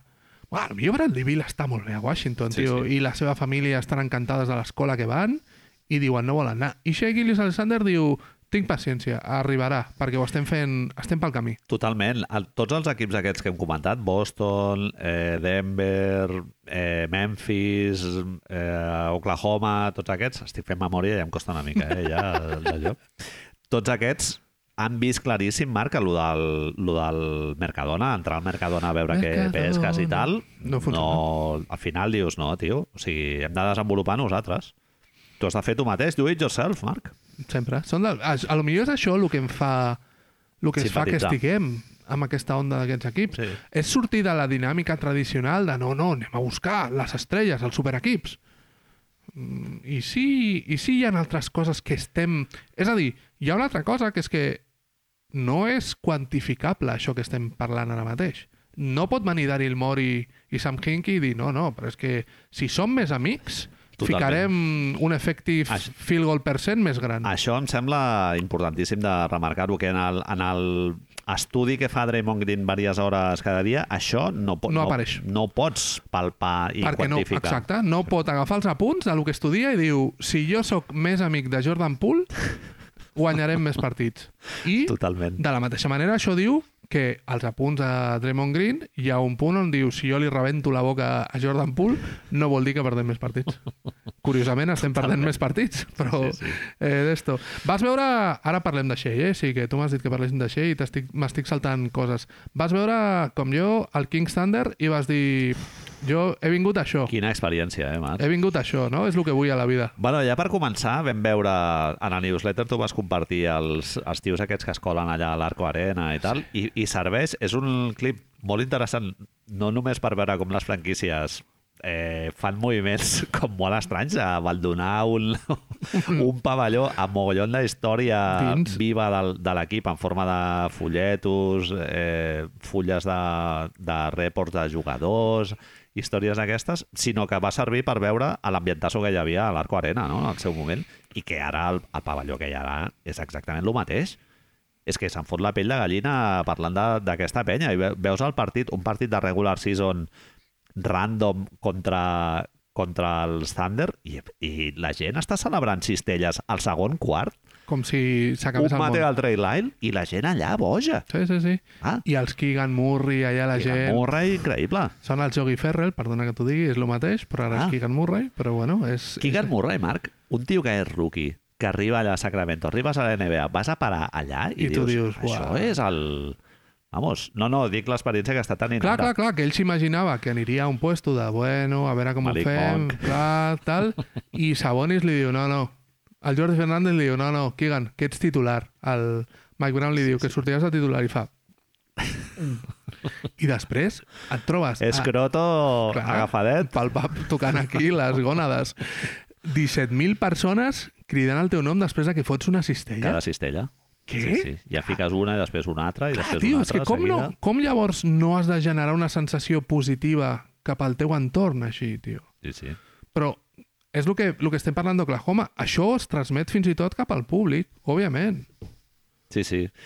Eh, Sacramento és un exemple d'un grup que s'ha pogut eh, configurar d'aquesta manera virtuosa que dèiem sense desenvolupar pel draft, no? Tenen diversos Sí. jugadors Sí, sí, importants sí, que sí, van sí. arribar via draft, però el grup que han construït aquest any, inclús amb el staff tècnic nou i tal, Correcte. ha sigut eh, flipant. És possible que el fet de que arribi un staff tècnic nou et doni aquesta possibilitat de començar de zero. Perquè fixa't que es van treure de sobre el que era la figura representativa d'això que estàvem demanant, perquè Halliburton deia el mateix, deia jo em vull quedar aquí de per Sí. vida. Sí, jo sí. vull que ens retirin la samarreta. Que dius, bueno, ja veurem això, Halli, però bueno. Vaig llegir una opinió molt interessant d'un fan dels, dels Kings que deia que no es van treure el de Aaron Fox perquè el contracte era molt lleig i tal i que es van veure obligats a treure's el Halliburton. És possible. Business not personal, no? Business, De no? justificar una mica aquests moviments. Si entrem només merament amb lo esportiu, em deies que hi ha una cosa que t'agrada molt, molt, molt, molt d'Oklahoma, que és que és, és, ara diré una, un tòpic, Manel, que és que són molt dinàmics. Sí, dinàmics, que dinamisme. estan, estan tot el rato es mouen, es nota que tenen 23 sí, sí, anys, sí. és el típic equip que si et toca la 2 més 1 dius, joder, col·lega, tio, Sí, sí, sí. un altre cop. Molt, I molt. que és una cosa molt maca, que el David Thorne a ho destaca també, és l'equip que més penetra de tota la lliga. Sí. Sí, sí, vivim en una, en una lliga de drive and kick, no?, que es diu, d'entrar i, i dividir, i ells ho fan...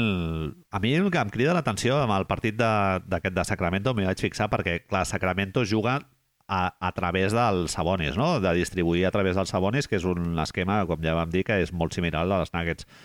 Oklahoma és radicalment diferent. Els cinc jugadors, excepte Shai i, i Josh Giddy, tenen, que tenen un rol més de playmaking, els cinc jugadors tenen característiques molt similars. Cap és molt bon tirador, excepte Isaiah Joe. Tots penetren bastant bé. Mo rapidesa de mans increïble tant en atac com en defensa. Pace... Eh, Corre que se les vuela. Sí, sí, sí, a saco. I, I tots tiren més o menys bé, també. Sí, sí, sí. De fet, un dels que pitjor tira de lluny és Shea. Sí. Es, va, es veu que és un dels de les coses que han volgut ja s'han marcat com a identitat, que volen tenir cinc pallos al camp que siguin capaços de, de prendre una decisió, que és el que deia Steve Kerr amb els Warriors, si tornem a la dinàmica Sí. d'avui. Tens mig segon per decidir. Exacte. No I, et pots quedar allà amb la pilota mirant què fas. I, lo del read and react del, del Tom Hobase, no? També, bueno, hi ha molts altres, Sí, molts sí, sí, altres així, és projectes, així. eh? Però sí, sí. Em dius que una de les coses que et va agradar molt de veure aquest partit és que vas anar a l'armari, vas estar buscant, Ah. vas dir, em sembla que no la tenia, llavors vas baixar Sí. allà a la merceria i vas dir, de jaquetes de, de què? De Sheibonte tenen vostès o no? Tenen jaquetes que posi SGA a darrere, perquè Sem- clar, el cognom és, sembla una és mica constructora, llarg, eh, de, de brodar. Sí, sí, sí, sembla una constructora de... Totalment. d'esto. I suposo, Marc, que té a veure també l'article que em vas compartir, tio, de que té aquest, aquest component holístic, no?, que em va veure apropar-te a la figura d'una manera totalment, totalment diferent, no? I que jo, com no domino eh, X i O's, pues suposo que m'influeix més totes aquestes coses, una mica més... No sé, toc, soc càncer també, Sí. que això és, com, és més sensible a històries així molt més eh, platòniques i més difícils de definir, no? Però sí, sí, vaig ja a mort amb Shea, eh, Gilgeous Alexander i em sembla un tio realment difícil de parar, eh, Marc? Impossible. Més que ja Morant, inclús, eh? Eh, és dif... Sembla menys físic, és curiós, no? Perquè sembla menys físic, però és un No, no, prodigi. no. És una persona molt llarga, amb uns braços que li arriben a, a és, escort de les sabates. és molt gran, eh? és molt gran. És molt gran. té el que es diu size, talla, o sigui, no és només que sigui alt, és, té un tren inferior molt potent, eh? El que passa que, clar, no fot els mates del, del Jamorant. 30 punts, 30 com a pico, 5 rebots, 5 assistències, 50, 35 de triples, que aquí Sí. dius... Ai, Clar, I tirant molt poc, eh?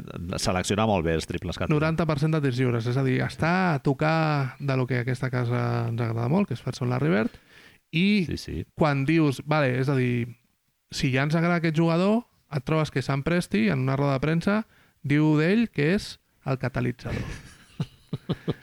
És un article de Brian Wilhorst que, que descriu que el Sam Presti va tenir una entrevista amb el, a principis de temporada amb el, amb el Shea i diu que el Sam Presti li va dir que ell era el catalitzador. És que, clar, quan tu veus clar, això, clar. dius...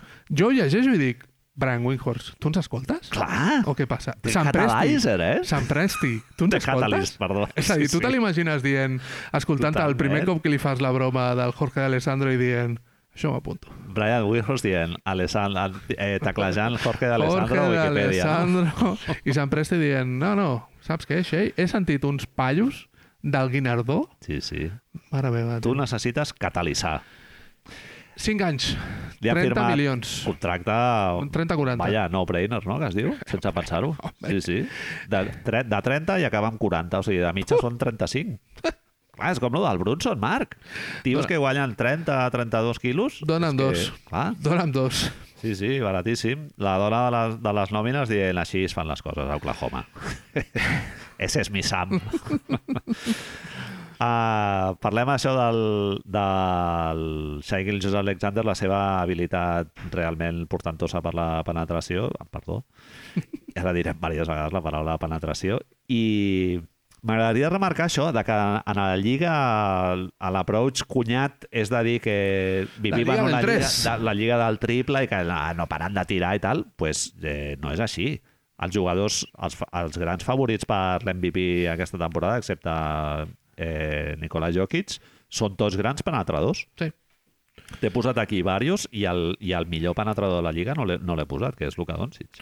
És el segon que més fa penetracions per partit. Luka Doncic, el primer és Shea Gilgis Alexander i com dèiem Sí. abans, Oklahoma City és l'equip que més penetracions per partit fa. Sí, sí. Curiosament no vol dir que siguin ISOs, no? un contra un, sinó que No. no. és un dels equips que més acaba amb cistelles a prop de les- de, de l'aro. Sí, sí, sí.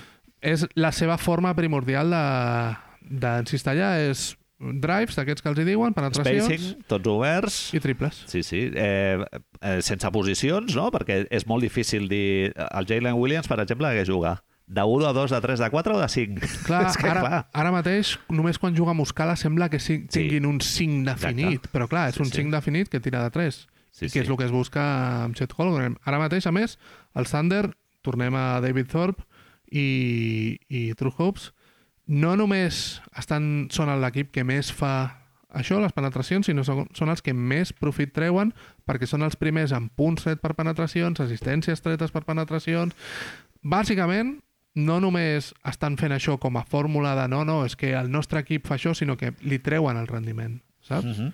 Totalment. eh, treuen menys pèrdues per cada, aquesta, per cada penetració, amb la qual joder, és un equip que a la vegada és diferent de veure. Perquè, Sí. com tu deies al principi, vivim a la lliga dels algo- 60 triples per partit, sí, sí. doncs aquests nois no ho fan tant això. És Shea- algo, Shea no tira com Sí, sí, gairebé sí. de 3, com tu dius. Sí, sí. És algo que li poses a algú, l'altre dia ho deia a Twitter, no? que permetem que en citi un tuit que vaig posar jo fa uns dies. Quina escarositat, per favor. Que li, li poses com juga a Oklahoma a algú fa 15 anys i és que li explota el cap, perquè és que no hi ha ni a la pivots, ni exteriors, ni... és tot... Eh, sembla el mateix, una mica el que volia fer Toronto l'any passat, no? El soldado universal, no? Exacte. Aito a casa diu, això no és baloncesto. Exacte. això no és baloncesto. Sí, sí. Això no és baloncesto. Joder, però els hi funciona molt bé. Són l'equip Sí, sí. més jove, tenen 13 rondes fins al 2027, Ja, ja. però eh, l'avantatge que tenen... draftejat molt bé, eh? Clar, l'avantatge que tenen és que tenen bàsicament un, un building block que diuen ells, no? un all-star perenne ja, ja ficat, Sí.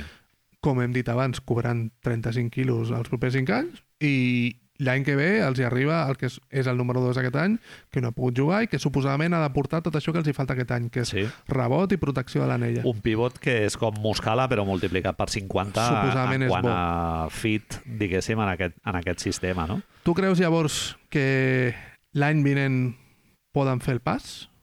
És a dir, no estem demanant-los ara que es situïn quarts, però el Zaglov deia això de que si entren a playoffs aquest any, ja no sortiran de playoff en molt de temps.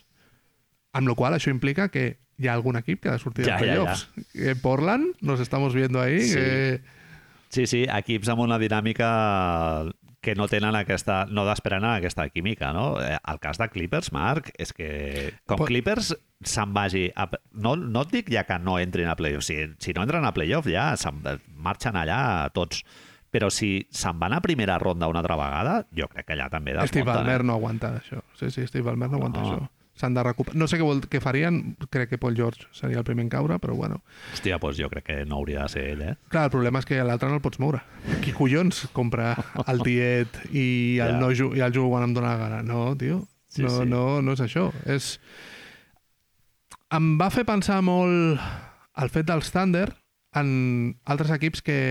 Altres situacions on l'amistat hagués sigut força clara Uh -huh. en què hagués pro- proporcionat victòries. Em va venir al cap, el primer que em va venir al cap era el San Antonio Sports de Tim Duncan, eh, Ah, Tony sí. Parker, Manu Ginobili, que són quatre anells en no sé quant de temps. Curiosament, en aquest grup, Marc, perdona que t'interrompi, No. hi ha un element de negativitat claríssim, que era el Bruce, el Bruce Bowen. En la I- primera etapa. i jo I una que- que... està a la banqueta. Sí, sí. I, i bueno, jo, el Greg Popovich, jo crec que en algun Esa, moment esa. també l'ha Sí, sí, jugat. aquesta, eh? aquesta és la que em deia. Sí, sí. És... Pensava també en que l'Ebron James va anar a Miami a jugar amb el seu millor equip a la Lliga Sí. i en quatre anys, que és el que va aguantar, van fer quatre finals i dos anells. No sé si es va cansar d'aquesta ausència d'atenció o si, com tu dius, ara l'atenció venia de Pat Riley i llavors ells no jugaven amb aquesta atenció tan marcada. No sé per què. Al final marxa perquè marxa i se'n va a Cleveland perquè segurament no poden fer res més Bueno, amb els Hittles. Lo de Cleveland era buscar una mica la redempció per la sortida, no? jo crec. O sigui, ell buscava netejar una mica la seva imatge de marca, jo crec.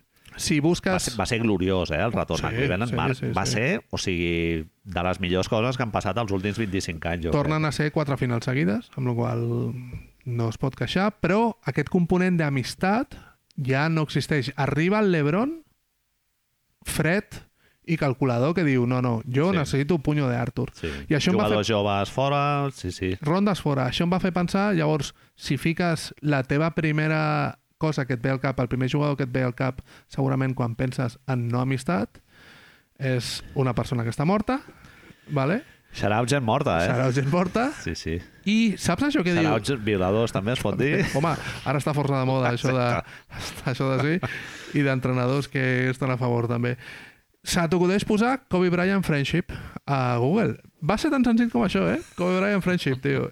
I et surt una entrevista a una a revista que es diu GQ, Sí. amb Chuck Klosterman, on l'escriptor, el famós escriptor Chuck Sí. Klosterman, on Kobe Bean Bryant, que en pa descanse, diu que, que per la seva obsessió amb el treball i millorar, la seva obsessió amb el treball i millorar, perdó, no li deixa espai per establir relacions i que com ell gaudia, gaudeix, gaudia, perdó, d'aquest treball, d'aquesta obsessió pel treball, només s'envoltava de gent que compartia aquesta obsessió. Rihanna, no? Lo de work, work, work, work, work, no? Recordem que quan el dia de la seva mort vam estar parlant de el dia que es troba amb el documentalista aquell a la festa de seu aniversari que va cancel·lar per trobar-se amb el documentalista i està ell sol Hasta el dia que va planxar. La- el tio aquell, eh? Per- Dient-li a la dona, joder, que vull anar a la festa amb els amics del Kobe Bryant, tio, Hòstia, no conec fa- a ningú, bueno, al ja revés, no? veuràs. Deus estar flipant, no? Ja. I arribes allà i no hi ha ningú. Deia, a la mateixa entrevista, Kobe reconeix que una de les seves grans debilitats és la impossibilitat de tenir amics. Sí, tu em comentes en el guió el, el seu upbringing, no? O sigui, com va ser criat, que et pot condicionar molt a, a l'hora de Tornem- configurar la teva manera de...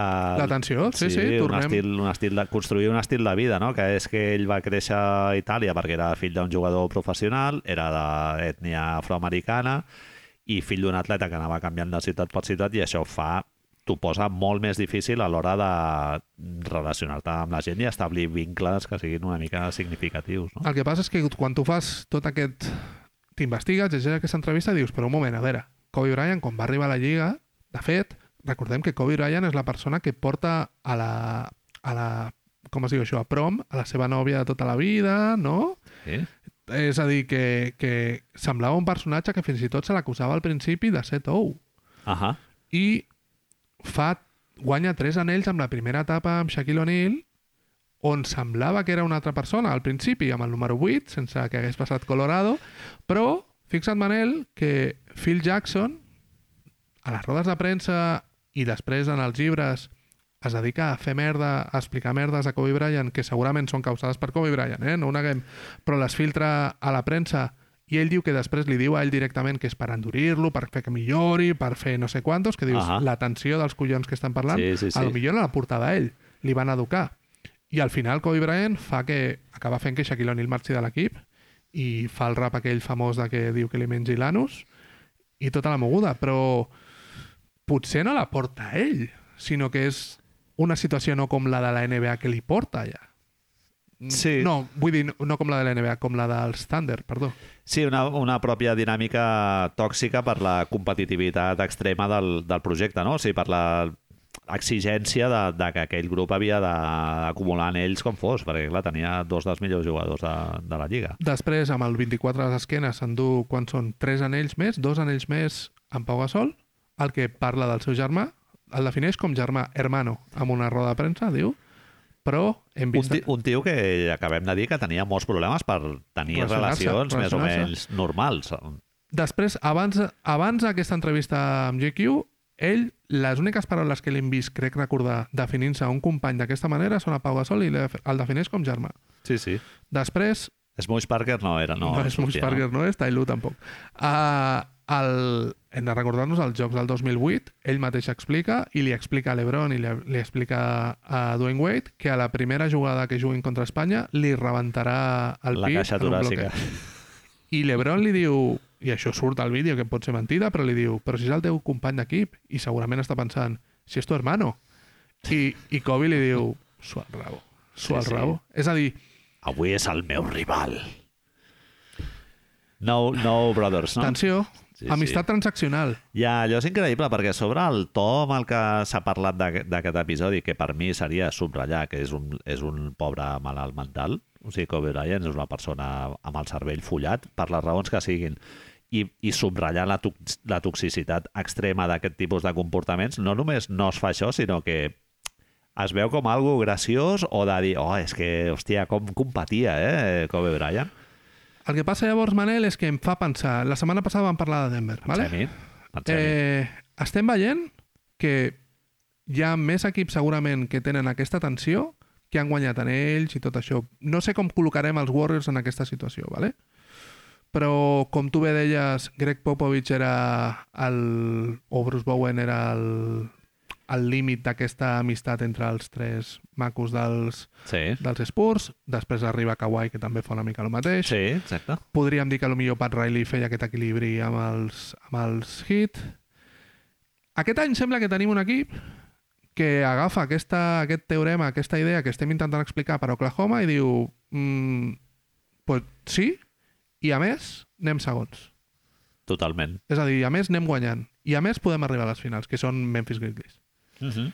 Ha sortit un vídeo aquesta setmana, crec no, vaig veure un vídeo aquesta setmana de, de la victòria a Minnesota, on els hi fan una entrevista a Jamoran, li fan una entrevista a la sortida, a la sortida, al final del partit, i diu obertament la paraula són, això és millor perquè estan els meus amics aquí.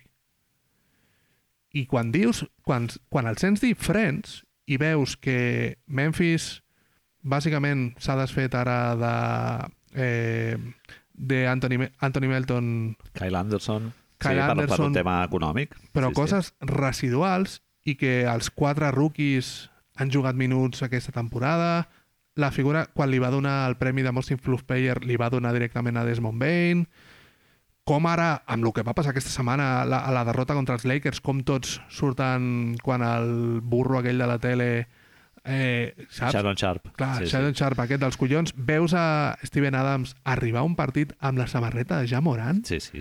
Amb Home, la que- Steven Adams sembla que porti tota la vida a Memphis, Marc. Però és la- que fa dos anys que està És la allà. samarreta amb la que ells jugaven aquell dia, la negra, però en lloc de la seva és la de Ja Morant. Clar, tio, Sí, tu veus que llavors aquesta atenció que ens demanen, vale, possiblement és necessari fins a cert punt, però que és un equip que clarament es beneficia de ser amics. sí, totalment. No I, tenim la forma de quantificar-ho.